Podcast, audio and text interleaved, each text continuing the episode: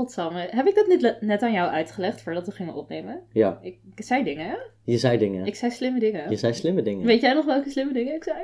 Hoi, ik ben Elliot en ik ben queer. En ik ben Eva, ik ben aseksueel. En dit is onze podcast waarin we praten over alles dat met queer en pride te maken heeft. Welkom, Welkom bij bij Pride Praat. Praat.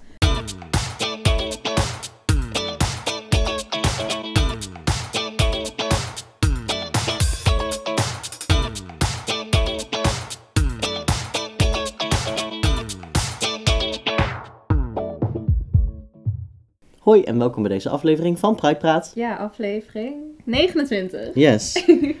Voordat we beginnen met deze aflevering hebben we weer een paar mededelingen. Ten eerste is de enquête vanaf nu gesloten. Heel erg bedankt aan alle luisteraars die hem hebben ingevuld. We zijn Ja. heel erg blij met jullie We antwoorden. hebben, er echt, we hebben er echt ongelooflijk van genoten om al jullie antwoorden te lezen. Ja. Het was echt top. Jullie zijn allemaal zo lief. Ja, oh mijn god. Dat. Daarnaast is het, wanneer deze aflevering uitkomt, morgen International Asexuality Day. Yes. Oeh, tweede editie. Ja, toen, rond de eerste editie, hebben we like net onze podcast gepromoot op Instagram en zo. Oh Dat ja. ongeveer rond diezelfde tijd volgens mij. En ik vind het even heel wild dat we nu dus langer dan een jaar bezig zijn. Omdat we vorig jaar bezig waren tijdens... Ja, Ja. oké. Een dag voor de awareness en het vieren van de aseksuele paraplu. En nu worden er ook allemaal leuke dingen georganiseerd. Waarvan ik niet zo goed weet wat het allemaal is. In elk geval een aantal livestreams. En één daarvan organiseren wij vanuit Nederland. Vanuit de Nederlandse organisatie Asexualiteit. En die zal zijn op 6 april van 4 tot 5. Op het YouTube kanaal van International Asexuality Day. We gaan het hebben over seksuele educatie in verschillende landen. Dus we hebben ook allemaal eh, panelleden uit verschillende landen. En daar doe ik aan mee. Dus wil je nou eens een keertje mij in een heel mooi Engels met Nederlands accent horen praten. En voor de verandering mijn hoofd erbij zien. Terwijl je me ziet praten en het allemaal ongeëdit horen. Kom dan langs, kom dan naar YouTube. Van 4 tot 5 uur op 6 april. En eh, ik heb er heel veel zin in. Dus ja, dat. Cool, cool. Nice. Hallo lieve luisteraars, Editing Eva hier. Vanwege het verzet van de tijd in een deel van de wereld kwamen de tijden niet allemaal meer overeen met onze andere panelleden. Dus is onze livestream een uurtje verzet. Hij zal dus morgen zijn van 5 tot 6 uur op het YouTube kanaal van International Asexuality Day. Ik zal het linkje in de beschrijving zetten. Ook zal ik een linkje zetten naar de site van International Asexuality Day. Want daar staan ook nog alle andere events op die zullen plaatsvinden op 6 april. Morgen dus. Ja, oké, cool, zin in. De livestream dus van 5 tot 6. Dat waren de mededelingen. Dan gaan we door naar de aflevering. Ja. Vandaag gaan we het hebben over LHBTQ en neurodiversiteit. En voordat we beginnen hebben we even een disclaimertje. Namelijk, in deze aflevering ligt onze focus op het toelichten van de comorbiditeit van bepaalde identiteiten binnen de LHBTQ paraplu en autisme. We zijn natuurlijk allebei geen psychologen en dit is dus ook geen medisch advies of dergelijke. Ons doel voor deze aflevering is kijken hoe correlaties elkaar beïnvloeden en eigen ervaringen delen om zo misschien mensen te helpen die dit herkennen. Ja, en ik wil ook nog even zeggen dat... Ik vind het altijd een beetje naar om te zoeken of het te hebben over dingen als oorzaken van seksualiteiten en genderidentiteiten. Ja. En dat is dus ook totaal niet wat we willen doen. Nee. Het gaat echt alleen om correlaties. Ja. Oké. We gaan het deze aflevering dus hebben over LHBTQ en neurodiversiteit. Voor de mensen die het niet weten, neurodiversiteit is een paraplu-term voor mensen met onder andere autisme, ADHD, dat soort dingen. Ehm, het gaat daarbij om een ander neurotype. Onder neurodiversiteit valt dus autisme. Wij gaan het deze aflevering eigenlijk alleen maar hebben over autisme. Ja. En dat dan in combinatie met gender en seksualiteit. Ja. Omdat ons op een gegeven moment opviel dat daar een soort van vaak een overeenkomst in leek te zijn. En we hadden zoiets van, oh, dat is wel interessant om daar een keertje een aflevering over te doen. Ja, want er is ook veel overlap. Als we het hebben over seksualiteit trouwens, hebben we vooral onderzoek gedaan naar aseksualiteit. Ja. Dus ja, ik ga wat vertellen over aseksualiteit en autisme, want er is veel overlap tussen die twee groepen. Er zijn best wel veel mensen met autisme die aseksueel zijn en andersom. Ik weet niet, dat is misschien hetzelfde, maar het voelt voor mij anders. Er is namelijk, het verschilt per onderzoek, maar waarschijnlijk is er zo'n eh 10 tot 30 procent van de mensen met autisme spectrumstoornis, ofwel ASS, die zich ook ident- identificeren of asexueel, of aangeven dat ze geen of weinig aantrekkingskracht voelen, seksuele aantrekkingskracht voelen, of geen behoefte hebben aan seks. Want dat verschilt ook een beetje per onderzoek Hm. waar ze precies naar hebben gevraagd. Ja. Wat natuurlijk een best wel hoog aantal is, want er is ongeveer 1% van de hele populatie die asexueel is. En Ja. ook volgens mij 1% die ASS heeft. Ja, ongeveer 1% van de mensen heeft autisme. Ja, dus dan is het natuurlijk best wel opvallend dat, dat, dat er zo'n grote overlap is Ja. tussen de twee groepen. Daarnaast zag ik een stukje dat van de mensen met ASS die zich identificeren als een seksuele minder- minderheid, zeg maar. Dus eh, LGBT. Ja. ja. nou ja, LGBT plus, I guess. Ja, de T is geen seksualiteit. Nee, klopt. Daarvan is 29,7% zegt dat ze asexueel zijn. Dus dat is best wel een groot deel. Nu weet ik niet welk deel van de hele LGBT-community zich... Identificeert als asexueel? Ja, precies. Dus ik weet niet zo goed of deze verhouding... eh, of dit percentage veel hoger ligt dan Ja. in de algemene community. Maar Ja. ik kan me voorstellen van wel. Eigenlijk, want dit is drie tiende. Dat vind ik best wel veel. Dat is veel. Ja, Ja. Dus er is zeker een, een overlap. Oh ja, een reden hiervan zijn, zou kunnen zijn, maar dat moet jij bevestigen voor mij. Oh, oké. Dit heb ik namelijk uit de PowerPoint, maar goed, dit is niet mijn ervaring. Ja. Dat mensen met autisme, vooral als ze weten dat ze autisme hebben, dat ze dan meer bezig zijn met wat ze precies voelen en zo. En daarom het misschien wat meer ontleden en termen te zoeken voor wat ze voelen en nuances te zoeken. Dus bijvoorbeeld ook dat ze dan sneller seksuele en romantische aantrekkingskracht van elkaar loszien. Oké. Zie- Zou jij dat ook zo zien? Dat vind ik lastig om te zeggen, want voor mij persoonlijk, ja. Maar, hè, het, het autisme, het heet autisme spectrumstoornis met Ja. reden. Mhm. Geen, like, geen twee mensen met autisme zijn hetzelfde. En het, hoe het zich uit is ook heel breed. En Ja. er zijn mensen die. Er zijn mensen met autisme die door hun autisme inderdaad meer bewust bezig zijn met wat ze precies voelen en wat er in hun interne leefwereld gaande is. Maar Mhm. er zijn ook mensen met autisme die daar juist door hun autisme heel erg ver van afstaan of heel Oh erg ja. losgekoppeld zijn daarvan Ja. meer. Dus zou dat een onderdeel ervan kunnen zijn, Ja, maar niet iets waarvan ik zou zeggen, oh ja, 100% altijd dat. nee, maar dat is ook niet wat, Dat ik, is- wat nee. ik ermee wilde eh, impliceren of zo. Nee, dat kan je sowieso nooit zeggen. Nee, Nee, precies. Nee. Maar ik kan me inderdaad in die zin wel voorstellen dat dat, dat, dat wel overlap heeft. Ja. Ja. Ik kan me ook alweer voorstellen dat het voor mensen met ASS die asexueel zijn juist lastiger kan zijn om te accepteren dat je asexueel bent of om het aan de wereld te vertellen, omdat je niet aan dat stereotype wil voldoen. Hmm. Nou ja, dan moet, dan moet je in eerste instantie je bewust zijn van het stereotype dat er is. Mhm. Kijk, ja, voor mij is dat natuurlijk anders. Ik ben niet asexueel, Mhm. dus ik ben me minder bewust van dat stereotype. Maar ik kan me voorstellen dat op het moment dat je in beide communities zit, dat je dan wel bewust bent van het stereotype. Ja. Ja, het is natuurlijk wel een ding van, oh, als je autisme hebt, dan kan je geen relaties onderhouden. En Ah. dan kan je niet met mensen omgaan. En Ja. dus geen seks of zo, weet je wel. Het is wel vaak een ding, heb ik het idee. Ja, het, er is een heel grote misconception, naar mijn idee misconception, over dat alle mensen met autisme sociaal compleet crippled zijn. Dat ze dat echt gewoon niet kunnen, relaties niet weten hoe die werken, geen sociaal contact kunnen onderhouden of initiëren of whatever. En ik ben autistisch Mhm. en ik ervaar het helemaal niet zo ik word mij steeds bewuster van de verschillen tussen hoe ik sociaal contact zie en, en daarin sta en überhaupt relaties en dat soort shit en mensen zonder autisme. En er is een verschil en daar word ik me steeds bewuster van. Maar ik heb vooral zelf ook zoiets van op het moment dat je mensen met autisme daarin onvaardig noemt of er iets negatiefs van maakt, dat is niet accuraat, want het is anders. En in een wereld waarin niet-autisme de norm is, dan is dat quote-unquote raar en eh, niet functionerend. Maar op het moment dat ik op een plek ben met allemaal autisten, dan is het super functionerend. Mhm. Het grootste gedeelte van de tijd.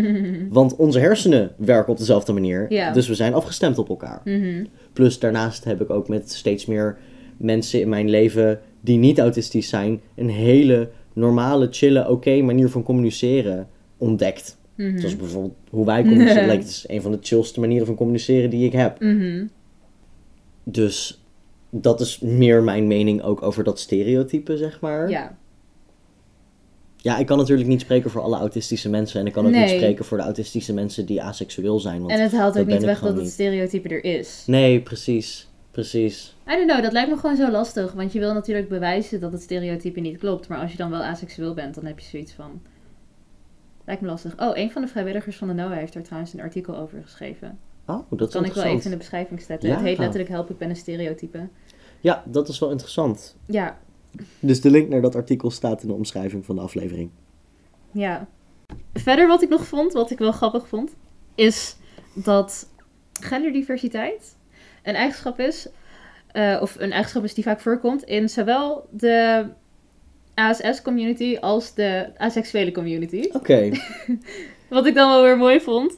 En dat mensen met ASS dus ook vaker eh, niet heteroseksueel of, en of gender nonconform zijn Ja. dan eh, neurotypische mensen. Klopt. En dat vond ik grappig. En ik dacht, dat is een leuk bruggetje naar jou. Wat een leuk bruggetje naar mij. Ja, ik ga het wat meer hebben over eh, genderidentiteit en autisme. En dat is inderdaad een goed bruggetje naar mij, want wat jij net noemt, dat ben ik teruggekomen in wat ik heb eh, on- onderzocht voor Ja. deze aflevering. Dat wat jij noemt over dat mensen met ASS vaker ook gendernonconform zijn of zo, Mhm. daar heb ik uitleg over. Wat leuk. Ja, maar dat komt later. Oh. Eerst ga ik een beetje een, een, een introotje geven. Er is een onderzoeksstudie gedaan van, eh, door Walsh. Walsh is een Nederlandse transvrouw die in 2010 met haar transitie begon. En zij heeft een onderzoek gedaan naar 699 mensen met autisme. 322 daarvan zijn geboren als man en 347 daarvan geboren als vrouw. En tijdens haar onderzoek kwam naar boven dat 15% van de deelnemers hebben aangegeven zich te identificeren met non-binair. Vergeleken met een totaal van 3,9% over de gehele Nederlandse bevolking. Hmm. Dit onderzoek gaat dus specifiek wat meer in ook op het gendernonconforme wat Ja. je noemde. Als ik even tussendoor mag. Dat mag. Ik, 3,9 is meer dan ik had verwacht. Ja, hè? Ja. Ja. 3,9% Grappig. van de Nederlandse bevolking identificeert zich op een manier met non-binair.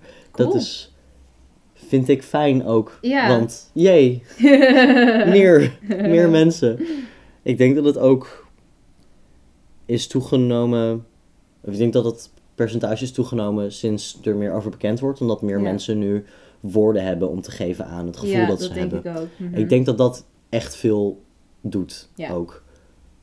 En ook dat er de afgelopen jaren steeds meer acceptatie voor is gekomen. Want natuurlijk toen ik in eerste instantie uit de kast kwam als non-binair in 2017...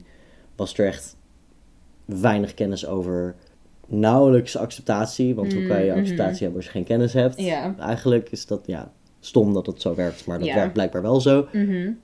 Tot op het punt dat ik op een gegeven moment zoiets had van... oh, ik voel me niet meer comfortabel met Ja, met dit label. Gewoon Mhm. omdat ik zo constant aan één door alles aan iedereen uit moet leggen. Ja. En nu heb ik dat minder. Kijk, ik heb nog steeds vragen van mensen. Maar non-binair op zich is al bekender als term. En dat scheelt al zoveel. Ja, maar goed. Het onderzoek van Walsh heeft dus te maken gehad met twee hypothesen. Die bestaan over de comorbiditeit Mhm. van autisme en genderdysforie. Comorbiditeit, voor de luisteraars die niet weten wat dat betekent, is een term die gebruikt wordt op het moment dat er twee dingen naast elkaar bestaan die wel vaker naast elkaar voorkomen. Zoals bijvoorbeeld, wat vaak gezien wordt, is dat mensen met autisme ook ADHD hebben. Ja. En dus ook bijvoorbeeld transgender zijn of aseksueel zijn. Ja. Dus dat is waar comor comorbiditeit op slaat. Eh, de hypothese van dit onderzoek gaan als volgt. De eerste hypothese was: Autisme kan een illusie van transgeslacht creëren. Een specifiek voorbeeld dat hiervoor was gebruikt was een transmeisje waarover werd beweerd dat ze alleen maar transgender leek te zijn door haar voorliefde voor zachte stoffen. Eh, wacht. Ja, Eigenlijk snap ik er helemaal niks van. Ten eerste was mijn vraag, wat Ja. houdt transgeslacht in? transgeslacht is transgender Oké. zijn. Is er een reden dat het hier met geslacht wordt geduid? Nee, Oké. niet dat ik weet. En dus er was een meisje? Er is een bekende Amerikaanse casus uit 1996 van een transmeisje. Oké. En zij was autistisch. En er werd over haar beweerd door mensen in haar omgeving dat zij in feite niet transgender was en gewoon een jongen was. En dat de enige reden dat zij dacht dat zij transgender was, was omdat zij een voorliefde had voor zachte stoffen. Dat is super raar. Ja. Wat heeft dat met autisme te maken? Mensen met autisme kunnen sensory processing disorders hebben. Mhm. Dat heb ik persoonlijk ook. En dat heeft dan te maken met hoe, hoe geluiden binnenkomen of kleuren. Of, Ja. En dus ook bijvoorbeeld het voelen van bepaalde stoffen. Mhm. Zij heeft een voorliefde voor zachte stoffen. Dat heeft te maken met haar autisme. Ja. En zachte stoffen worden in deze context gelinkt aan vrouwelijkheid. Want zachte Ja. stofjes en vrouwelijkheid is Ja. zo'n gek iets dat op een gegenderde manier hand in Mhm. hand gaat. En dus wordt er dan beweerd, jij bent niet transgender. Jij houdt gewoon van zachte stoffen door je autisme. Ja, oké, oké, dan snap ik het. En alsof dan het houden van zachte stoffen het e- de enige indicatie is voordat je een vrouw zou zijn, zeg Ja, maar. Dat, mhm. dat is daarin de logica. Mhm. Ik ga heel eventjes de tweede hypothese noemen en dan kom ik terug bij de eerste hypothese en dan gaan we het daar heel even over hebben. Ja, De tweede hypothese is: een non-binaire genderidentiteit openbaart zichzelf sneller bij mensen op het autistische spectrum dan bij anderen. Dit zou kunnen komen door minder last van sociale druk om zich voor te doen als cisgender. En er is vermoedelijk een directe link met een essentieel onderdeel van autisme genaamd flattened priors. Ik ga het zo meteen ook wat meer hebben over wat flattened priors inhoudt. Mhm. Eerst wil ik wel even terugkomen bij de eerste hypothese. Ook om duidelijk te maken dat dit niet het perspectief was van Walsh, die dit onderzoek heeft uitgevoerd. ja, Dit is meer een, dus een bekende casus ja. waarop zij dan een beetje inhaakt met haar onderzoek. Dus wacht. Ja. Want de hypotheses gaan over waarom dus de comorbiditeit non-conform gender en autisme zo hoog is, toch? Ja. En, maar die eerste... Klopt het dat de eerste dan eigenlijk zegt dat die comorbi- comorbiditeit niet zo hoog is, Ja. maar dat het maar zo lijkt? Ja, eigenlijk zegt de eerste hypothese: mensen met autisme die denken. Oh, ik ben transgender door bepaalde dingen in hun autisme, Ja, maar zijn dat niet echt. oké. En daardoor zijn er zulke hoge cijfers van mensen met autisme die transgender zijn, omdat ze zichzelf wijsmaken dat ze transgender zijn. Ja. Ik heb hier een hele sterke mening over. Ik ga er heel even vanuit dat er heel veel mensen zijn die luisteren, die niet zoveel weten over autisme. Dus ik ga heel even een hele korte spoedcursus autisme geven. Vooral gefocust op the theory of mind theorie. De theory of mind, voor de mensen die niet weten wat dat inhoudt, betekent dat jij als persoon begrijpt dat wat jij voelt en wat jij meemaakt, dat dat jouw ervaring is en dat niet iedereen om jou heen hetzelfde meemaakt. En ook dat andere mensen dus andere dingen kunnen voelen dan dat jij voelt op dat moment. Dit is niet iets waar je mee geboren wordt, dit ontwikkelt. Een kind van twee heeft dit niet. Als een kind van twee buiten in de regen staat en zeiknat is en naar binnen kijkt en iemand binnen ziet staan, die dus overduidelijk droog is, want die is binnen, dan denkt dat kind van twee, jij bent nat, want ik ben nat. De theory of mind theorie gaat ervan uit dat mensen met autisme geen theory of mind ontwikkelen, of dat pas veel later doen. En dus feitelijk stelt die theorie mensen met autisme, die gaan er constant vanuit dat andere mensen zich net zo voelen als zij zich voelen. En dit hangt ook een beetje samen met een soort misconceptie die er is over dat mensen met autisme geen zelfinzicht hebben.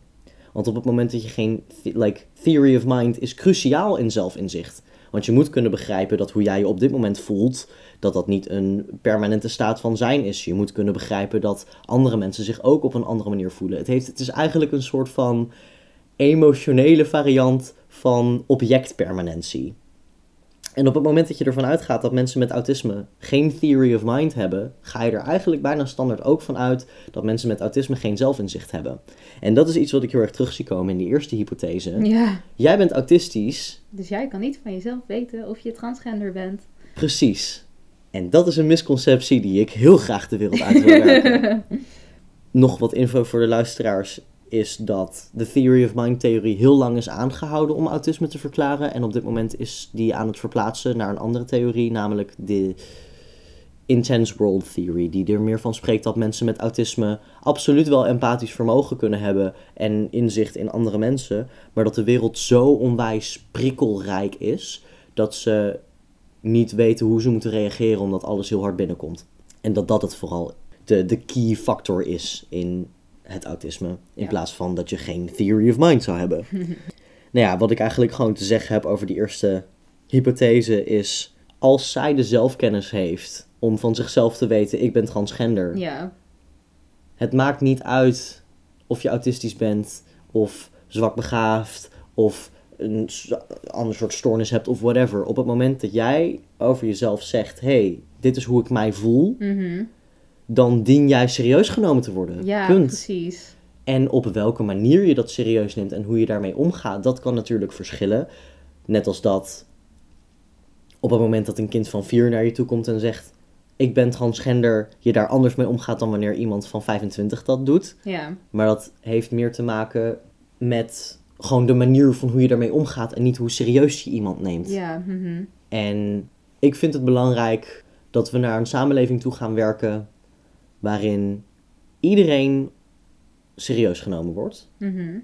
ongeacht wat voor labeltjes ze verder hebben. Ja, inderdaad. Iedereen heeft gewoon het recht om serieus genomen te worden. Ja, Vind ik. ja. Ja. Dat over de eerste hypothese. De tweede hypothese, ik herhaal hem heel even.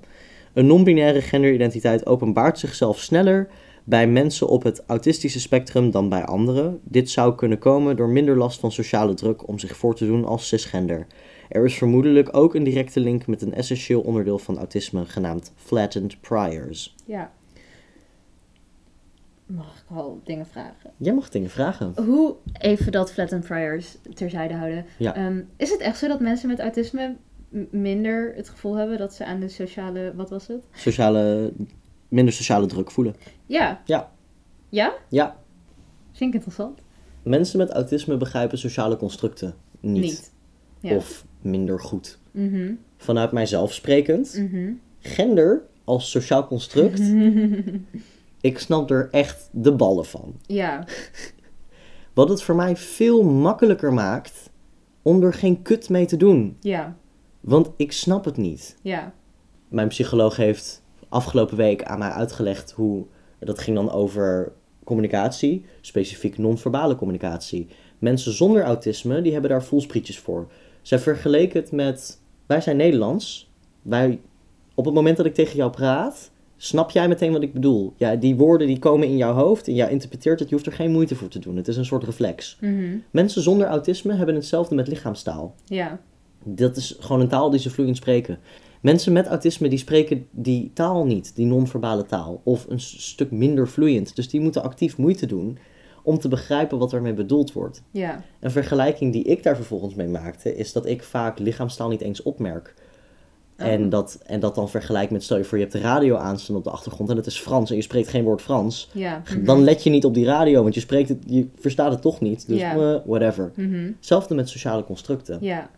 Ik snap de sociale constructen niet. Ja. Dus het is voor mij meer een soort ruis op de achtergrond waarvan ik weet dat het bestaat, waarvan ik er soms gesprekken over voer. Maar het is Ja. niet iets wat ik, Ja. kan, dat, wat ik zelf makkelijk passief kan lezen. Dus heeft het veel minder invloed op hoe ik mijn leven leef. Ja, want de reden dat ik, er daarnaar, dat ik er naar vraag is dat ik me aan de andere kant ook wel weer... Ik kan me ook voorstellen dat je je er zo bewust van bent als autistisch persoon dat je gewoon dingen niet snapt. Dat je heel erg gaat masken juist. En dat je Ja. daarom juist heel erg jezelf wel in een hokje probeert te duwen. Ja, Maar dat is dan... dat heb ik ook heel lang gedaan. Ja, precies. Dat heb ik ook heel lang gedaan. Dat is wel waar. En Maar ja, het kan waarschijnlijk gewoon allebei. ja, Ja. Nee, maar daarom snap je een beetje... ik snap je punt niet helemaal. Oké. Nee, want ik vroeg er dus naar of dat zo was. Mhm. Omdat ik dus dacht van, ik zie ook wel gebeuren dat het juist niet gebeurt. Oh, op die manier. Ja. Dat mensen met autisme zo bewust zijn van dat ze het niet snappen, dat Ja. ze zichzelf gaan forceren en maskeren en dan maar erin proppen, Ja, omdat precies. ze als normaal over willen komen, Ja. quote-unquote normaal. Oh, op die manier. Ja, dat is vast ook iets dat inderdaad voorkomt.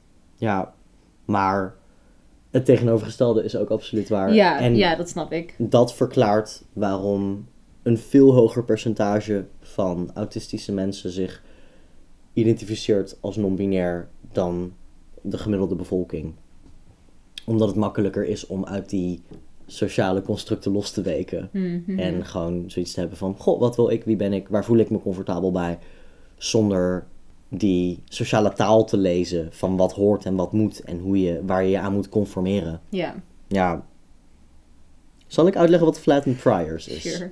Als jij een sociale situatie meemaakt en je bent bijvoorbeeld met iemand aan het kletsen en jij maakt een opmerking en die opmerking valt niet goed en daar is een negatief, er, komt een negatief resultaat daardoor in die sociale situatie. Als jij geen autisme hebt, dan blijft dat beter in je hoofd hangen. En dan kan je dat verwerken op een manier van, oh hé, hey, als ik dit zo doe, dan komt dit daaruit. Een soort van oorzaak-gevolg in sociale situaties. Waardoor je gevoeliger bent voor de input en de mening van andere mensen. En dat meer actief meeneemt. Mensen met autisme, die hebben dat minder vaak. Priors wijst daarbij dus ook op voorgaande ervaringen in de term flattened priors. Dus voorgaande ervaringen zijn minder bepalend in de keuzes die ze maken of de dingen die ze doen eh, en de sociale interacties die ze hebben. Waardoor, stel je voor, je bent een cis man en jij doet een rok aan en je loopt over straat en je merkt dat iemand naar jou kijkt met een soort blik van, eeuw, wat de fuck ben jij aan het doen? En je bent niet autistisch. Niet alleen pik je, dat non pik je die non-verbale communicatie makkelijker op, maar je verwerkt het ook als een soort van, oh, ah, ah, dit is dus iets dat ik niet moet doen. Ja, En dat neem je sneller mee in je keuze. ja, Als je wel autistisch bent, pik je en die non-verbale communicatie minder makkelijk op. En wordt het minder opgeslagen als een soort van bepalend event waar je iets mee moet in de rest van je leven. Dus ben je sneller geneigd om de volgende keer weer een rok aan te doen. Ik hoop dat ik het een beetje goed heb uitgelegd. Ik zelf weet niet in hoeverre ik het ermee eens ben, mhm. omdat ik zelf niet zoveel merk van die flattened priors. nee. Ik trek mij behoorlijk veel aan van de meningen van andere mensen Mhm. en hoe mijn omgeving reageert of hoe ik interpreteer dat mijn omgeving reageert op de dingen die ik doe. Maar again is jouw ervaring niet de ervaring van iedereen. Nee, precies. En voor mij weet ik ook persoonlijk dat het voor mij voortkomt uit jaren en jaren van sociale trauma's. Ja, Jee. Ik wil terugkomen op iets wat je eerder noemde toen je het had over dat mensen met autisme meer stilstaan bij wat ze voelen. ja, Ik denk dat dat iets is wat voor mij op gebied van gender heel erg aanwezig is. mhm. Op een manier dat ik dingen makkelijk van elkaar los kan koppelen. Mhm. Want ik heb het gevoel dat voor de meeste mensen zonder autisme het vrij recht door de bocht zou zijn van eh, ik vind het fijn om deze dingen te doen die stereotypen vrouwelijk zijn, Mhm. die ik doe, zoals rokken dragen, make-up, ik wil graag lang haar. Weet je wel, ik ben een heel, ik ben een heel vrouwelijk persoon. Die dat zien en denken, oké, vrouwelijkheid, dus ik ben een vrouw. Mhm. Want deze dingen worden gezien als vrouw. En ik identificeer mij hiermee, dus identificeer ik mij als vrouw. Terwijl ik dat stukje, like, hoe ik mij kleed en, en hoe ik mij gedraag en op die manier, ik kan dat compleet loskoppelen van hoe ik in mijn lichaam sta. Genderidentiteit is anders dan genderexpressie. Ja, Ja. precies. En ik heb het gevoel dat mensen met autisme daar wellicht makkelijker bij kunnen komen, omdat ze dus wat verder van die sociale constructen afstaan. Mhm. Omdat ik vrouwelijkheid zie en ik niet denk, oh, vrouwelijkheid equals vrouw. Ik zie vrouwelijkheid en ik denk, oké, dat dat, dat labelen wij als vrouwelijkheid in de maatschappij. Hebben wij gezegd dat dat zo is. Mhm. En ik daarnaast ook heel goed zie, wij zeggen een jurk is vrouwelijk. Maar er zijn ook andere culturen waarin mannen jurken dragen. Ja, Hetzelfde met mhm. rokken. Het is allemaal een construct. Ja. It is not real. We made it up. Mhm. En daardoor kan ik bijvoorbeeld heel makkelijk bij mezelf nagaan van... Ik word blij van mijn baardgroei. Ja. Ik word blij van hoe ik mijn emoties en orgasmes ervaar aan het testosteron. Ik word blij van mijn spierbouw, van mijn vetverdeling. Like, ik, heb een, ik heb een best mannelijk lichaam. Mhm. Met wat vrouwelijke kenmerken. Like, ik heb borsten. Mhm. Maar verder heb ik een, echt een mannelijk lichaam. En dat is hoe mijn lichaam hoort te zijn. Ja. Voor mij. Ja. En daarnaast hoor ik jurken en rokken te dragen. ja. Want daar word ik vrolijk van. Ja. Ja, en dat kan ik compleet loskoppelen van elkaar. En ik heb voor mijn gevoel, is dat wel echt een, een deel van mijn autisme die, die daarin heel bepalend is voor mijn ervaring als transgender persoon. Tot dusver over transgender en autisme. Ja. Door naar de segments. Ik heb geen transitie-update. Oké.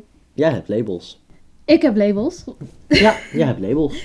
En ik ga deze aflevering hebben over demi-romantisch. Wat is demi-romantisch? Demi-romantisch is een romantische oriëntatie. Wow, verrassend. En wat houdt het in? Het houdt in.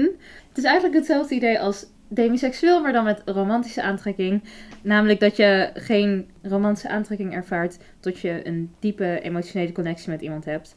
En dan wel romantische aantrekking kunt gaan ervaren. Cool. De vlag. Nou, van boven naar beneden is hij wit, groen, grijs. En links heb je dan nog een zwarte driehoek. Hierin staat het zwart voor eh, seksualiteit. Grijs staat voor grey romanticism en demi-romantiek. Wit staat voor platonische en esthetische aantrekkingskracht. Queer platonic relationships. Of niet in de straight gay of male-female binaries Hm. vallen. Hm. Dat zijn een heleboel dingen, nee. en eh, groen staat voor de- demi-romantiek of het aromantische spectrum. Cool. Dat was labels. Nog uit de kast gekomen? Nee, zeer zeker niet. Ook niet over de podcast, terwijl ik zo'n mooi moment had om dat te doen. Wat we wel hebben deze week, is een vraag voor het vragensegment. Yes. Wat is de vraag, Elliot? Ben jij ook heel veel vrienden en familie kwijtgeraakt toen je uit de kast kwam? En nu komt de context. Ik was bij de opticien om mijn nieuwe bril op te laten meten. Want ik had een nieuwe bril nodig. En ik had een rok aan en ik was daar. En ik loop dat kamertje in met die opticien. En hij was in eerste instantie heel vriendelijk. Want hij vroeg, hoe wil je dat ik je aanspreek? ja. Oh ja, dat is echt heel fijn. ik vond het fantastisch dat hij dat vroeg. Die vraag krijgt van mijn team. Ja. Ja. Dus ik zeg, oh meneer, is prima. En hij is van, oké, ja nee, omdat je een rok aan hebt, dacht ik, ik vraag het even. En ik leg uit, ja, ik vind dat iedereen alles zou mogen dragen wat ze willen. En ik vind een rok leuk. En toen hadden we daar wel even een kort gesprekje over. En toen kwam daarin ook ter sprake van, oh ja, ik ben transgender. En toen was hij klaar met mijn oogmeting. En toen begon het gesprek. Waarin hij mij vertelde over een andere cliënt van hem. eh, die tussen de 40 en de 50 jaar oud was. En uit de kast is gekomen als transgender, een transvrouw. En over hoe zij het toch wel heel zwaar had. Want op het moment dat zij uit de kast kwam, waren er echt chunks van haar familie en vrienden die allemaal zoiets hadden van: Dit is raar, wij willen hier niks mee te maken hebben. Wij gaan nu doei zeggen tegen jou. En toen kreeg ik de vraag of bij mij dat ook het geval was geweest toen ik uit de kast kwam. Ik vind het zo grappig dat meestal maakt context dingen beter. Maar bij ons, altijd dan hoor je de vraag zonder context en dan denk je, wat? En dan ga jij beginnen aan de context en dan denk ik, dat is eigenlijk nog erger. Ja, vrolijk segment. ja. Ja, wat voor een cijfer geven we deze vraag? Ja, ik vind het lastig, want als ik het nu, als het, stel dit zou het enige zijn geweest dat ik heb gehoord Ja. over dit verhaal en alles, Ja, dan zou ik hem waarschijnlijk een hoger cijfer geven dan nu je me shit hebt uitgelegd. oké. Dan beginnen we met het cijfer dat je hem eerst zou geven. En Oh, dan- dat vind ik wel lastig. Ik denk wel dat het een onvoldoende zou zijn, want het is gewoon een rare vraag. Ja, Maar ik denk niet een hele diepe onvoldoende. oké. Dus- Omdat, weet je, de woordkeuzes zijn prima. I don't know, het is, zeg maar, ik snap... Maar dat heb ik natuurlijk wel bij meer mensen. Ik snap wel waar zo iemand vandaan komt, maar het is gewoon niet iets dat je vraagt. Ja, Eh, maar ik zou waarschijnlijk rond de 4 of een 5 zitten. oké. Ja, Ja, want de reden, ik weet niet. Ik, ik snap het tot op een bepaalde hoogte, omdat ik zelf ook wel zo'n vraag zou kunnen stellen. En het gaat dan echt meer. Maar dat is bij alles. Dat is eigenlijk Mhm. bij al deze vragen. Het is ook heel vaak gaat het om het interesse in het onbekende. Ja. En dan is het probleem bij dit soort dingen gewoon dat jullie elkaar niet kennen. En dat daarom zo'n vraag niet gepast is. Ja. Maar ja, I don't know. Het is wel gewoon, vooral als je zoiets hoort van dat het bij iemand gebeurt, dan is het, kan het gewoon interessant zijn om te horen van, oh, is het ook bij jou zo gebeurd en hoe was dat dan? Maar je hebt niet door wat je doet wanneer je zo'n vraag stelt. Nee, want wat je doet. Nou, ik had hier toevallig een paar dagen geleden een gesprek over. Vertelde ik aan vrienden dat mij deze vraag was gesteld. En in eerste instantie maakte een vriendin de vergelijking. Dat zou hetzelfde zijn als wanneer iemand zou zeggen tegen mij: Wow, jij bent een vrouw, ik ken ook vrouwen. Word jij ook ongesteld? Ja, En toen moest ik een beetje lachen. En qua comedisch stukje van like, hoe belachelijk de vraag is, Mhm. komt die vergelijking heel erg overeen. Maar niet qua diepte. En toen maakte ik de vergelijking terug. Eigenlijk komt het meer overeen met: Wow, jij bent een vrouw, ik ken ook vrouwen. Ben jij ook wel eens verkracht? Want er wordt niet gevraagd naar zoiets als ongesteldheid. Wat, like, wat veel vrouwen worden ongesteld. Het is een ding wat we weten in de maatschappij. Snap je? Het is, wat, het is een iets wat luchtiger onderwerp. Nog steeds niet heel luchtig. nee, maar ja. Het is een hoi, toen je uit de kast kwam. Zijn jouw vrienden en familie toen zo kut gaan doen dat ze zeiden: Ik wil jou nooit meer zien? Ja. En in mijn geval, ja, Mhm. ja, ik heb absoluut best wel wat mensen gehad in mijn leven die mij echt heel vol een mes in mijn rug hebben gestoken op het moment dat ik uit de kast kwam. Dat is traumatiserend as fuck. En dan zit je bij de opticien voor je nieuwe bril. En dan wordt je ineens zo'n vraag in je gezicht gesmeten van... Oh hey, herleef dit trauma even met mij, je Ja, opticien. mhm. Daar kom ik niet voor. Nee. Dat wil ik niet. Ik hoef dat niet. Ik hoef daar niet aan te denken. En daarom geef ik deze vraag. Ja, ik vind het moeilijk wat ik hem Ja? geef. Ik vind het heel moeilijk omdat als ik puur uitga van mijn ervaring Mhm. en hoe de vergelijking met dat je ook niet zomaar iemand random zou vragen over een ander trauma Ja. en hoe, hoe het spreekt van een bepaald soort mindlessness Mhm. dat je zo'n vraag stelt zonder na te denken. Want het is echt puur een vraag die puur komt op dat moment vanuit en, en een interesse voor een ervaring die geassocieerd wordt met transgender zijn. Ja, precies. En dat is niet iets inherent slechts. Nee, je denkt er denk ik gewoon niet over na dat het zo'n ongelooflijk slechte ervaring is. Precies. En, en het voelt ook daarom een beetje dehumanizing. Ja. Want er wordt niet stilgestaan bij het feit dat ik een vol mens ben die ook emoties heeft en ook moeilijke dingen mee kan. En dat dit een moeilijk ding is. Ja. In een andere context, dat, vraag, dat is dan een vraag die je, die je de andere kant op zou kunnen stellen. In een andere context, als het zou gaan om niet-transgender, stel je voor, jij zou bij de opticien zijn en de Mhm. opticien zou, jij, zou jou vragen: Goh, heb jij wel eens meegemaakt dat vrienden of familie jou zomaar in de steek lieten Mhm. in je leven? Ja. Dan zou je dat zwaar ongepast vinden. Mhm. En echt zoiets hebben van: wat de fuck is dit voor een gespreksonderwerp? Ja. Eigenlijk de enige reden dat ik het hoger dan een 1 zou geven, is omdat ik oprecht door had van deze man dat hij geen, zijn hart zit op de goede plek. Ja. En ook omdat hij eerder aan mij al de vraag stelde van, goh, hoe wil je dat je aanspreek? En hij was echt heel respectvol. Mhm. Dat is ook waarom ik reageerde zoals ik deed, waar we zo meteen op komen. Maar de vraag op zich, een 1. Een hele dikke vette 1. Ja. Want ik hoef niet. Ik wil sowieso niet terugdenken aan het feit dat ik echt vrienden ben verloren. En dat mijn familierelaties ook echt lastig zijn geworden doordat ik uit de kast kwam. Laat staan zo random midden op de dag dat het in mijn gezicht gegooid wordt terwijl ik bij de opticien zit. Ja. mhm. Ja. Dus mijn cijfer is een 1. Ja. Anderhalf. Ja. Op zijn hoogst. En jouw aangepaste cijfer? ik denk dat ik op een 2 zou zitten. Ja. Maar dat komt omdat gewoon mijn hoofd altijd zo werkt van... Er, er kan vast iets ergers zijn. Dus dan Ja. wil ik het nog een 1 kunnen geven. Ja, ja. Ik ben niet zo... Ik ben heel slecht in uiterste. Ik heb Mm. ook altijd van... Als je van die dingen in moet vullen van... Als je mensen moet beoordelen of zo... En je hebt een heel goed en een heel slecht. De twee uitersten. Ik vul die bijna nooit in. Hmm, Ik Oké. doe niet aan uitersten anyways. Oké. Ja. ja. Hoe reageerde je uiteindelijk? Nou, eh, ja. Dit is een soort knopje dat ik dan soms om kan zetten. En in dit geval kon ik dat ook. En ik zette het knopje om en hij vroeg dat. En ik was van, oh ja, maar ja, hè, that's life, dat gebeurt wel eens. Dat was het antwoord dat ik gaf. En eigenlijk de seconde nadat ik dat antwoord had gegeven, dacht ik, waarom heb ik dit gezegd? Ja, Ik wil het helemaal niet delen. ja. Maar ja, Want- ik, ik zou ook niet weten hoe ik er anders op zou moeten Oké, ja, reageren. ik wilde net zeggen, wat had je willen zeggen dan? Nee, dat vind ja, ik ook nee, heel ja, je kan gewoon zeggen van... Dit is een ongepaste vraag. En dan even kort uitleggen van... Dit, is, dit ligt natuurlijk super gevoelig. Ja. En is niet iets waar ik hier zomaar over wil praten. ja, precies. Ja, ik zou dan niet per se ongepast zeggen, maar heel persoonlijk. Ja, gewoon, dit, ja, dit- deze vraag vind ik te persoonlijk. Maar ja, het is soms makkelijk om er even vanaf te zijn... door gewoon even ja te zeggen en door te gaan met je leven. Dus ik snap het wel. Precies, omdat het ook gevoelsmatig is het makkelijker om een knop om te zetten en, en dan inderdaad maar zo'n antwoord te geven als ja, maar ja, shit happens, life sucks, Ja, zeg maar.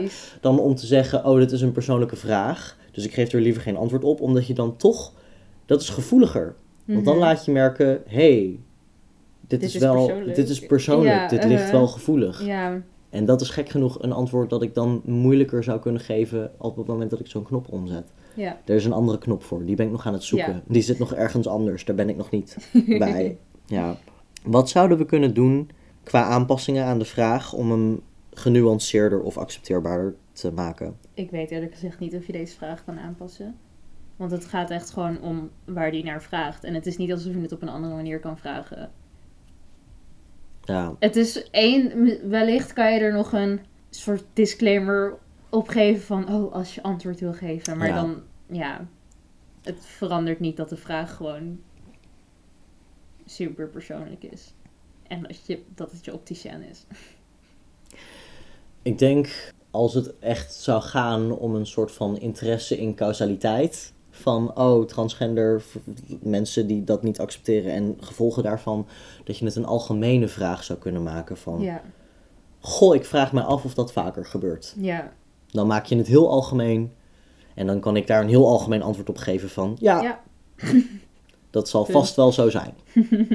en dan, wordt het niet, dan is het niet meer persoonsgebonden. Ja, inderdaad, dat is waar. Ik denk dat dat de enige manier is om hem accepteerbaar te maken. Ja, Maar then again vind ik ook het aansnijden van het onderwerp al heel wat. ja. Eh, Maar daar gaan we nog een keer een aflevering over maken. Ja.